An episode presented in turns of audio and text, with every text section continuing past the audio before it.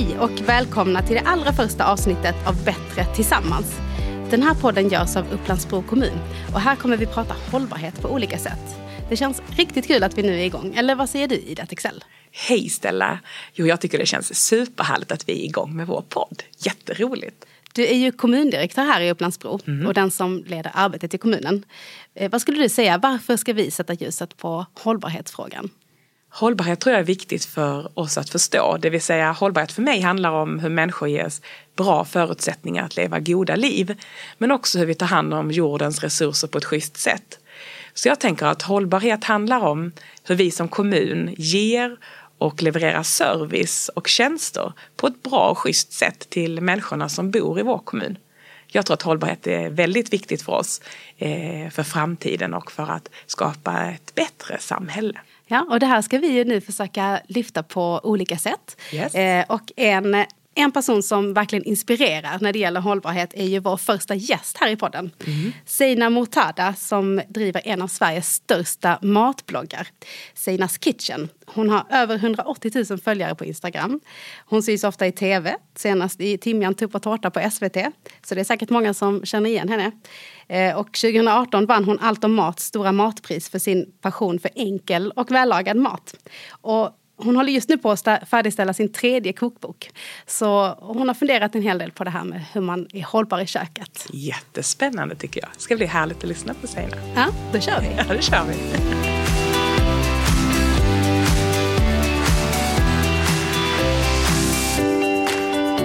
Var med och tävla med Bättre Tillsammans. Skicka in din bästa idé på vad vi borde prata om här i podden som har med hållbarhet att göra.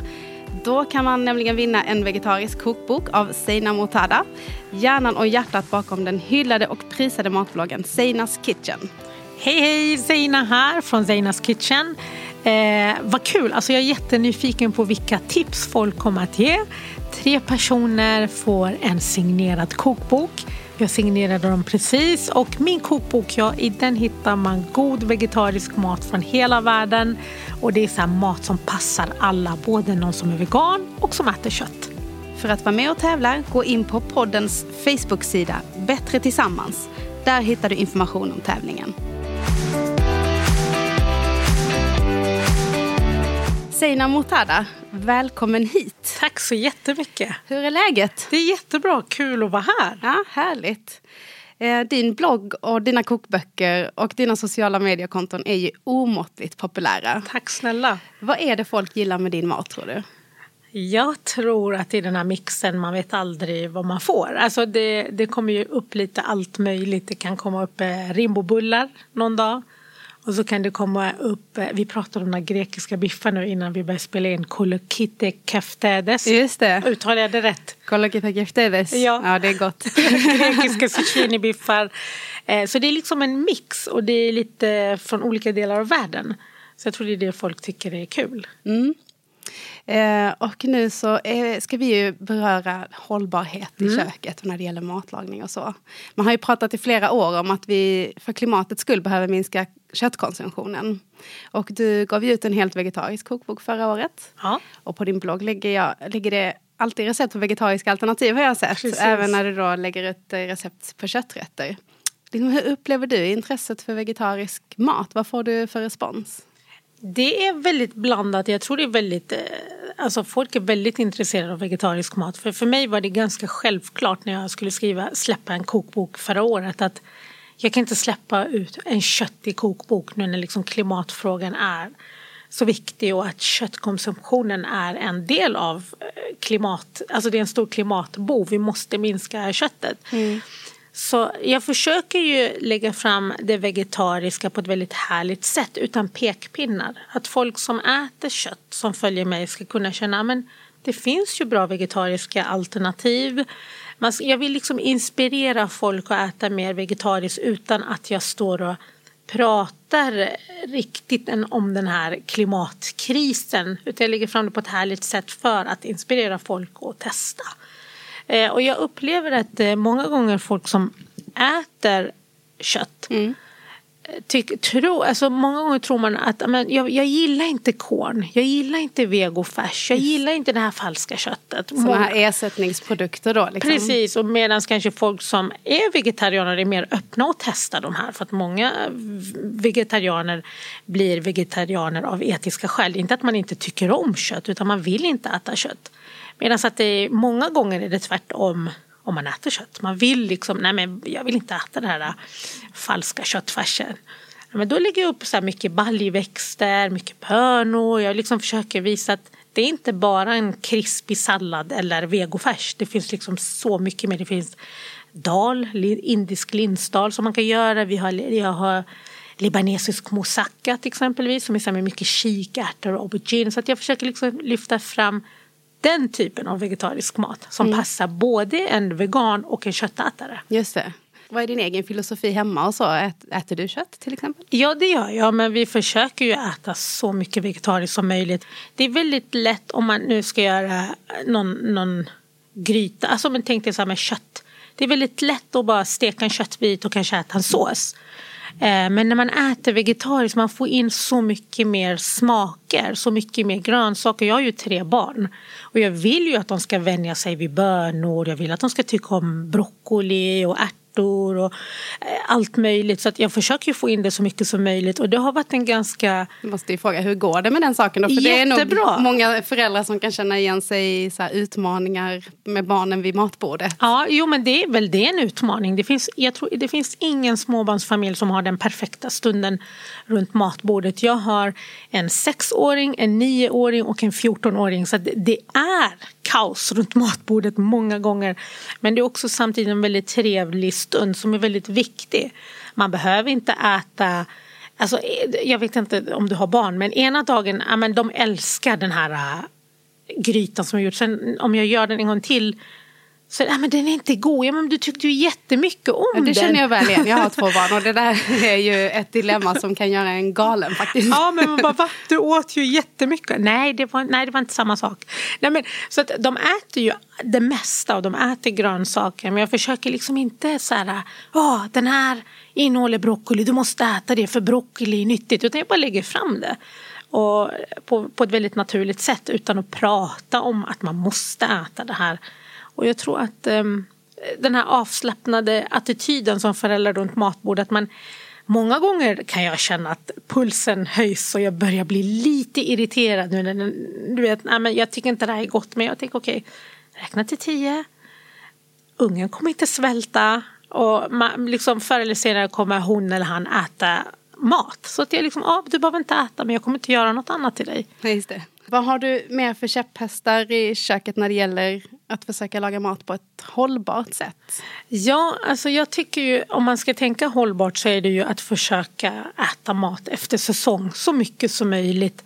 Det är inte bara att det är mer hållbart, det är ju också mycket billigare om man köper, du vet när det är säsong för rotfrukter, ibland kan man gå in i en mataffär så står det så här Eh, ett, kilo, en, en krona kilot. Ibland så här helt galna priser för rotfrukter. Och det är för att det är säsong, då är det extra billigt och det är svenskt. Så jag försöker äta så mycket säsongbaserat och så mycket svenska produkter som möjligt. Men för mig som lagar mat från hela världen så kan det vara ganska utmanande. Jag tänker bara en sån här enkel grej som ris. Det kan jag liksom inte hitta svenskt. Eller om jag kryddor. Jag använder ju väldigt mycket kryddor i maten. Så, att, så det är inte alltid att jag kan hitta svenska råvaror. Eller ibland kan det vara väldigt utmanande. Så att, men då, jag känner ju att amen, det ska inte begränsa mig. Jag tror inte man ska ha den attityden. Amen, det är väldigt svårt att vara hållbar. Jag måste sluta äta kött. Jag måste bara köpa svenskt. Att man kan tycka att det är svårt. Och därför orkar man inte, äh, jag orkar inte, jag får inte ens ihop en middag till familjen så ska jag hålla på. Inte det här antingen eller-tänket. Nej liksom. men precis, utan jag tror att man kan göra, alla kan göra något. Man kan liksom försöka ta ett steg. Ett steg till en mer hållbar livsstil är bättre än att inte alls. Så att jag tänker att man försöker få in så mycket grönt som möjligt. Man försöker äta så mycket svenska råvaror som möjligt men det behöver ju inte vara varje måltid. För mig är det inte så. Nej. Då skulle inte jag kunna lägga upp alla de här recepten som jag gör. Just det. Man får eh, använda kokosmjölk och filodeg och de här grejerna. Ja, också. absolut. Ja. Men sen så kanske det inte behöver vara sex gånger i veckan och säger man hållbar en gång i veckan. Utan nej, det kanske kan vara en gång i veckan som man gör de här lite mer spännande recepten. Och, så, så. och jag tänker att det är också bra för ens ekonomi. Det är ju mycket billigare när man köper svenska närproducerade råvaror än att man köper Ja, men till exempelvis alltså att äta jordgubbar nu. Den, den smak, det är ju inte ens gott. Och så kan, jag ser jordgubbar i mataffären och jag, jag får säga va? Mm. Och en ask kostar för så här jordgubbar som smakar Alltså vad smakar de ens? Alltså, det är, det är liksom, Gurka, nej men det är ingenting. Och så kostar det så här 60 spänn. Mm. Medan som på sommaren får du så här fantastiska svenska jordgubbar. Och så kan du köpa så en, en låda för 20 kronor.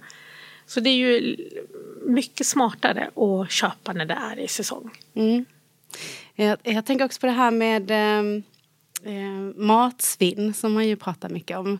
Eh, jag har kollat upp lite här och sett mm. att eh, enligt Livsmedelsverket så slänger vi ungefär 19 kilo mat ja. per person och år i Sverige. Och det är lite svårt att, att, föreställa sig men det är ju mycket. Man står där och har mm. glömt laga liksom, eh, någon grönsakspåse så åker den raka vägen från affären till kylen till soporna. Och det, har du något tips där? Vad kan man göra? Eller någon, liksom, kom ihåg för att inte stå där och slänga. Ja, men jag tror alltså, en till så här, stor klimatbov det är ju vår konsumtion. Vi hade ju inte kastat grejerna vi köper om, om vi verkligen hade behövt dem. Hade vi verkligen behövt det vi köper så hade vi inte kastat det. Det är ganska liksom självklart. Så vi köper mycket mer än vad vi behöver. Vi köper in saker, bara trycker in det i kylen och sen så upptäcker man det. Alltså man glömmer bort. Jag tänker, jag tror inte om man verkligen hade haft det lite kanske tufft ekonomiskt eller i vissa kulturer. Man slänger, det, är inte liksom, det är inte självklart att man köper någonting och kan kasta det. Man har inte råd att kasta grejerna på samma sätt som vi gör. Vi, vi har vi, vi ganska, har det lite för bra helt Ja enkelt. men alltså att vi bara, det är så lätt att kasta. Det är så lätt att bara köpa så spontant och få ett sug i mataffären. Så trycka in i kylen och bara oj just det. Det där köpte jag. Oj nu är det lite gammalt. Nej jag kastar det. Så att jag tror för det första planera sina inköp spontan köp inte, köp inte grejer du inte behöver. Det här gäller även kläder, det gäller allt i livet. Det, det, second hand-butiker, nu menar jag kanske inte köpa second hand-mat. Men, mm. nej, men alltså att inte köp inte helt i onödan. Vi behöver inte allt det där vi köper. Så att planera inköpen och kolla i kylen. Behöver jag verkligen det här? Eh, planera inköpen. Och jag tänker har, har, du någon strategi hemma som du använder dig av? Liksom, handlar du en gång i veckan eller eh, planerar du dina recept varje dag och går och handlar? Eller hur, hur ja, gör du i vardagen? Ju, precis, alltså, i, och med att, i och med att maten jag äter är en del jag måste, jag måste ju ofta tänka, okej okay, jag måste få mat på bordet till familjen. Jag har tre barn som kommer hem från skolan hungriga. Min man jobbar liksom, kommer hem sent. Han kan inte, eller jo han kan visst stå hemma och laga mat, det är klart han kan. Men jag, jag jobbar ju mycket hemifrån. Så jag har på liksom ett, ett tid på ett helt annat sätt att få fram mat på bordet. Men då tänker jag, okej okay, den här maten vi ska äta måste även bli ett bra bloggrecept. Så jag måste liksom planera mina middagar väldigt mycket. Så din familj får alltid sådana där härliga... Eh... Ja, för det mesta. Men det blir ju alltså som vilken småbarnsfamilj. När vi på, idag kommer jag vara på möten hela dagen. Jag sitter här, jag kommer på ett möte sen. Jag kommer komma hem sent, min man kommer komma hem sent. Det blir nog ingen härlig middag. Det Vad bli... blir det hemma hos Eina då en sån dag? Ja, men det, kan, det kan vara allt möjligt. Eh, det kan Ibland kan mina barn alltså på riktigt vara så här, sukta efter snabbmakaroner. Alltså bara så här, du gör aldrig snabbmakaroner. Jag bara, va? Är det en middag? Så då kan det bli så här, men då kanske jag kan steka korv i det. Och jag, jag, liksom, det är en helt naturlig dag tror jag hos många småbarnsföräldrar. Ibland kan mina barn tycka, ah, men jag åt hemma hos min kompis, de åt världens godaste potatisbullar. Och då tänkte jag wow, är det, var det hemmagjorda? Nej men då var det sådana frysta potatisbullar. Och, så, och jag tycker det, liksom, det är inga konstigheter. Man kan inte alltid trolla fram en sån här fantastisk middag. Nu kan jag det för att det är en del av mitt jobb.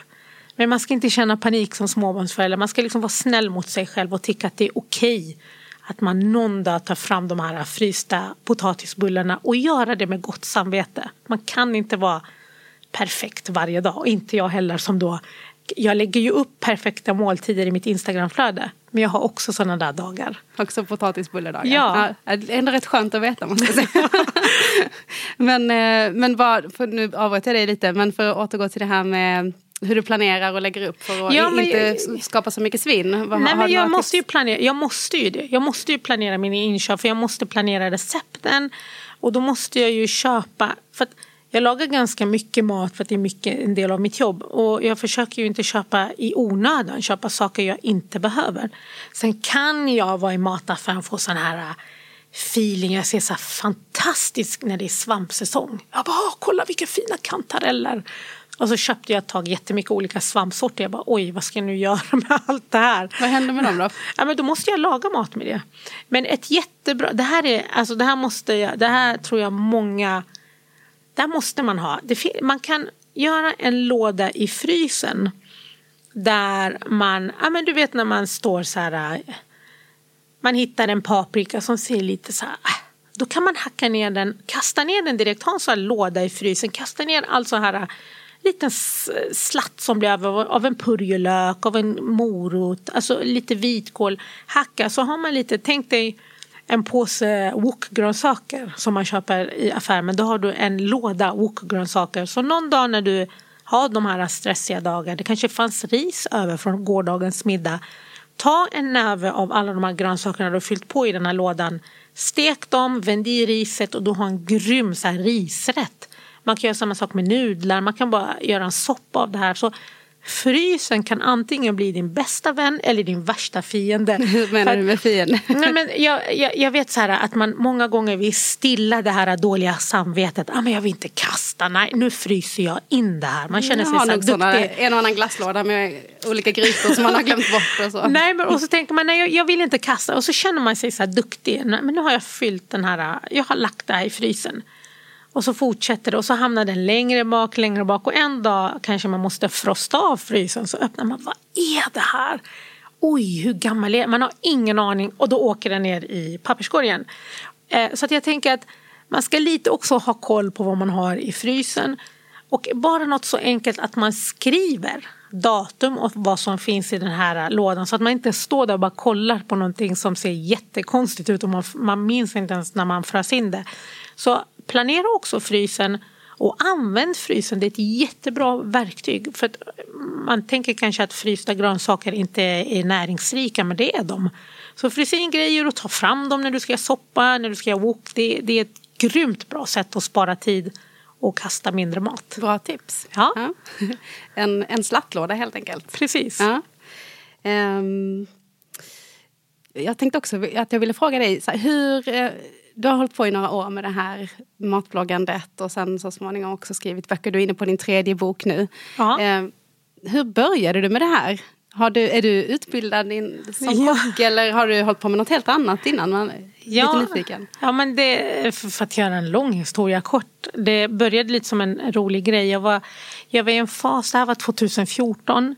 Jag var i en fas i livet var, där jag liksom inte Ja, men där, jag, där jag inte riktigt visste vad jag höll på med. Vad, vad håller jag på att göra av mitt liv? Och jag kände att ja, men, jag hade jobbat lite så här jobb. Eh, jag jobbade på Stadium som butiksförsäljare. Sen så jobbade jag som administratör för en skola. Liksom, jag hade inte hittat min grej. Alltså då bestämde jag mig att börja plugga. Jag återupptar mina gymnasiestudier, pluggade på komvux och eh, inriktade mig. Tänkte ja, men jag vill jobba med människor. Jag gillar att jobba med folk. Eh, jag vill bli socionom i framtiden. Grejen är att jag är ingen plugghäst. Jag har jättesvårt för att sätta mig ner och plugga. Eh, men jag är en riktig arbetsmyra. Men jag tänkte jag måste kämpa nu så att det blir någonting av mig. Eh, Det var lite tufft, det var lite kämpigt ehm, att börja plugga, sätta sig ner i skolbänken igen. Men mitt i mina studier så blev jag med barn, gick på föräldraledighet. Jag hade lite ångest för jag hade liksom fått ett så här, ja men nu har jag kommit igång, nu ska det bli någonting. Då har du fått upp flowet helt enkelt. Ja men precis och sen så ah, går man på föräldraledighet och då kände jag mig väldigt rastlös. Och då säger min syster, ja men gå in på Facebook, visa upp din talang. Jag hade inte sociala medier då 2014, ingen liksom Instagram, Är det Facebook. sant? Ja, ingenting. Bara från noll till hundra alltså? Ja men jag kände att det inte var min grej. Jag, jag förstod inte grejen. Jag är väldigt mån om att ha lite så här integritet. Jag har aldrig lagt upp bilder på mina barn. Ingen vet hur mina barn ser ut. Alltså, inte för att de är hemliga på något sätt. men jag tycker bara att det, jag har lite svårt för att liksom lägga upp hela mitt liv eh, på sociala medier. Därför var jag lite anti det. Jag tänkte att det är en sån här plats där man ska blotta hela sitt privatliv. Och eh, då tyckte min syster, nej men gå in på Facebook och visa lite. eh, Och jag tycker inte, jag måste bara säga att jag tycker inte det är fel. Folk som väljer att lägga upp bilder, det är helt upp till dem. Jag tycker inte det finns rätt eller fel. Eh, Men hur som helst, och då säger min syster, men lägg upp en matbild på Facebook och visa upp din talang. Vi skaffar Facebook, jag sitter med henne och jag lägger upp en bild. Jag minns att jag lägger, i första matbilden lägger upp en bild på hemmagjorda färskostbollar. Och det här måste jag tipsa, det här måste man testa. Man tar turkisk yoghurt, Okej. låter det rinna av, eh, man lägger så här över en kökshandduk och låter det rinna av i kylen i tre dagar. Så, här, turkisk yoghurt. så blir den väldigt fast, liksom allt vätska som rinner ut. Och så tillsätter man lite salt och så rullar man bollar och så rullar man bollarna i så här chiliflakes, i örter, i nötter så får man så här färskostbollar. Det är jätteenkelt, supergott. Jag lägger upp den här bilden och folk bara wow, det bara blir en succé på Facebook. Men hur, för då hade du inga följare sen tidigare eller så? Utan Nej, nej, var ganska hade- ny liksom? Jag hade en vän, när jag, det var min syster. Hon tog in mig i en matgrupp. Och så Ah. lägger jag in den här. Och jag älskade responsen. Jag bara va? Det här är ju fantastiskt kul. För att jag, jag ville alltid, jag hade en så här, någon gång i livet, lite, när jag blir äldre ska jag öppna ett café. För jag ville jobba med mat, jag älskade mat. Eh, Men jag visste inte hur jag skulle hitta ett sätt att jobba med mat. Eh, och det här, det här var fantastiskt. Och det här var under min föräldraledighet. Det gick ett halvår från att jag la upp min första matbild till att jag helt plötsligt... Ja, men det, det, jag, det, det, var fantastiskt kul. Det började bli större och större. Jag minns att den, den första stora grejen som hände var att Sveriges Radio kontaktade mig. De bara, du gör ju fantastisk mat. Jag bara, va? Hade du då bara lagt i liksom såna här intressegrupper då? Eller hade du börjat Ja. bygga upp dina egna konton som du som ju har jättemånga följare idag? Det är ju över 180 000 såg jag på Ja. Instagram. Så att det är ju, Nej, men jag, hade, jag, jag la upp mycket i den här matgruppen och folk var så här, kan inte du samla dina recept på en plats? Liksom var den frågan folk hela tiden skrev till mig. Så jag tänkte okej, men jag har sett att folk bloggar. Så jag satt en kväll, jag kan inte bygga upp hemsidor, den var hemsk. Den var så dålig. Då satt jag en kväll och på något hum, jag satt och googlade hur startar man en hem, hemsida? Och då var det så här enkelt, ja, men om du har Wordpress så får man liksom en färdig lite sån här eh, mall eller vad, man bara liksom enkelt. Så då satt jag en kväll, la upp alla, mina matbilder var inte fina, jag tror alla bilder med en mobiltelefon, det var inte så att jag tänkte att det här ska vara bilder till en blogg. Så då samlade jag alla de här recepten som jag hade skrivit och när jag tittar tillbaka på mina första recept, alltså det är lite så här, jag sitter med skämskudde ibland. Det jag, jag trodde, alltså jag tänkte så här, ah, men nu ska jag bli en bloggare så jag skriver, utan det var så här, ja men ta en lök, hacka den, vänd ner i olja. Nu har jag lärt mig, folk vill ha exakta mått på allting. Men hur som helst, så jag samlade de här mina mest populära recept i matgruppen på den här bloggen och från att jag hade så här tio besökare om dagen från matgruppen som då visste att jag hade den här bloggen till att jag hade tusentals. Och det bara fortsatte växa och växa och växa tills det blev helt alltså enormt. men hur var det för dig? Vilk, att liksom, Ja, det var jätte... Det var jättehäftigt men samtidigt väldigt läskigt från att jag liksom inte haft sociala medier till att vara väldigt mån om att men jag vill liksom inte, jag hade inte ens en egen, jag hade inte en profilbild. Så jag var väldigt privat till att det blev väldigt stort och jag minns det största egentligen som hände som var enormt då. Det var att jag vann Matblockspriset där så här, sven, svenska folket ska rösta fram den de tycker är den bästa matbloggaren. Fint. Ja, och då vinner jag det 2015. Och det var liksom, jag stod med så här tio proffsbloggare. Jag minns att jag tyckte, jag tyckte att det var pinsamt. Alltså men gud, alltså, hur, hur, hur ska jag med min, med min hemska, eller ja, hemska men inte professionella hemsida vinna mot det här? Men folk älskade den här, för- det folk uttryckte väldigt mycket var äntligen de här recepten på svenska. Ja, den här grytan brukade jag äta när jag var liten, den här persiska grytan. Jag har aldrig kunnat hitta ett autentiskt recept på svenska. Den här libanesiska rätten, det var liksom de här autentiska recepten från Mellanöstern som gjorde mycket succé. Så det är många svenskar med blandade bakgrunder som hittade till dig i början där? Ja, eller? precis. Och som liksom bara, åh, äntligen som jag har letat efter det här receptet. Eh, Så det, det, livet vändes upp och ner. Det var väldigt, jag minns efter att jag vann det här Matboxpriset så blev jag ombedd. Vi vill ha en pressbild i liggande format i hög upplösning. Jag bara, vad är det?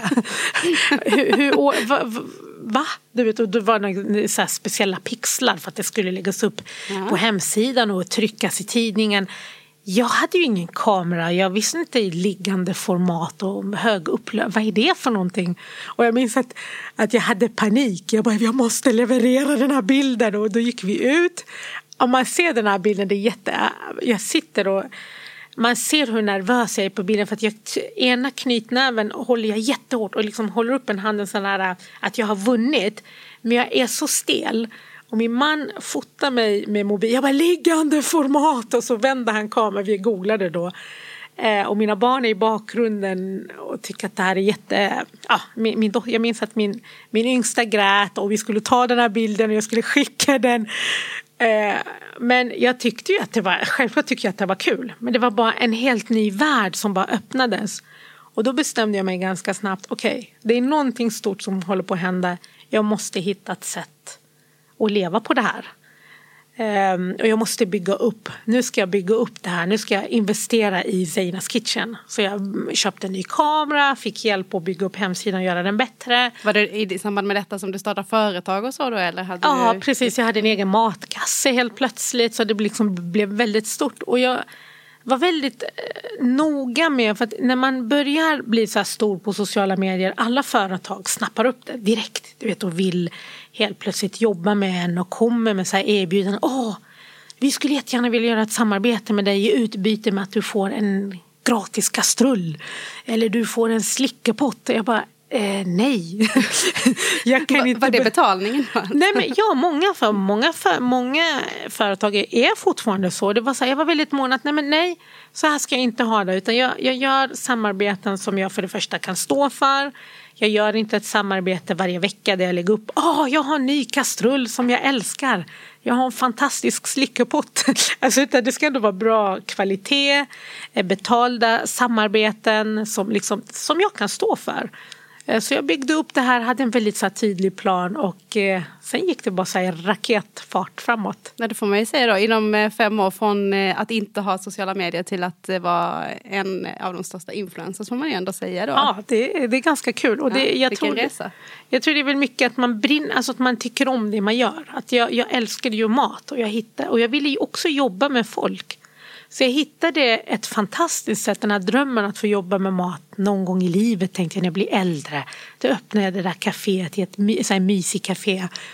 Eh, och jag vill ändå jobba med folk. Och jag hittade det sättet kombinerat på, en, alltså på ett helt fantastiskt sätt. Jag, jag älskar mitt jobb. Jag har världens roliga, jag får äta god mat och dela med mig det till folket. Ja. Ja, jag tror det är det som märks. Men är det, och du jobbar alltså hemifrån då? Sitter du och skriver recept liksom, eller hittar du och modifierar, gör om eller hur, vad har du för process? Ja, jag jobbar mycket hemifrån men ingen, alltså varje dag är en ny dag. Det är det jag tycker om. Är liksom, idag är jag här, fantastiskt kul att få åka upp, ut till Upplandsbro och prata om mat. Och någon gång jobbar jag hemifrån, jag åker till Uppsala och jobbar med min kokbok och någon gång poddar man och någon gång är man på tv på fredag. Ska jag åka till Umeå, jag är med i God kväll. Eh, så liksom man åker liksom fram och tillbaka, det är nya grejer som händer hela tiden. Eh, men jag försöker att trots att jag gör väldigt mycket saker, för mig är det väldigt viktigt att bloggen aldrig tappar i kvalitet. Det jag levererar ska vara jättebra. Jag tänker hellre att jag lägger upp saker som jag lagt ner tid på än någonting som jag stressat fram för att jag bara måste få upp någonting på bloggen. Så jag försöker alltid hålla så här, tid för min matblogg och leverera bra recept. Och jag försöker ju hålla mina recept så autentiska som möjligt. Att det jag lagar från ett visst land ska vara liksom tillagat korrekt. Men det är alltid någon, alltid så här, ah, du, det där, så där gjorde inte min persiska mormor det där riset. Nå, du vet, så alltid någon som ska säga, någon grek som ska säga, ja, de, den där grekiska salladen, vem har sagt att man har grön paprika? Så det är alltid någon som läxar upp mig. Alla har sina varianter. Ja, men det, det, jag tycker det är bara kul. Eh, Så länge man lägger fram det snällt. Alltså hur, för du har ju, man kan ju hitta liksom så klassiska svenska husman.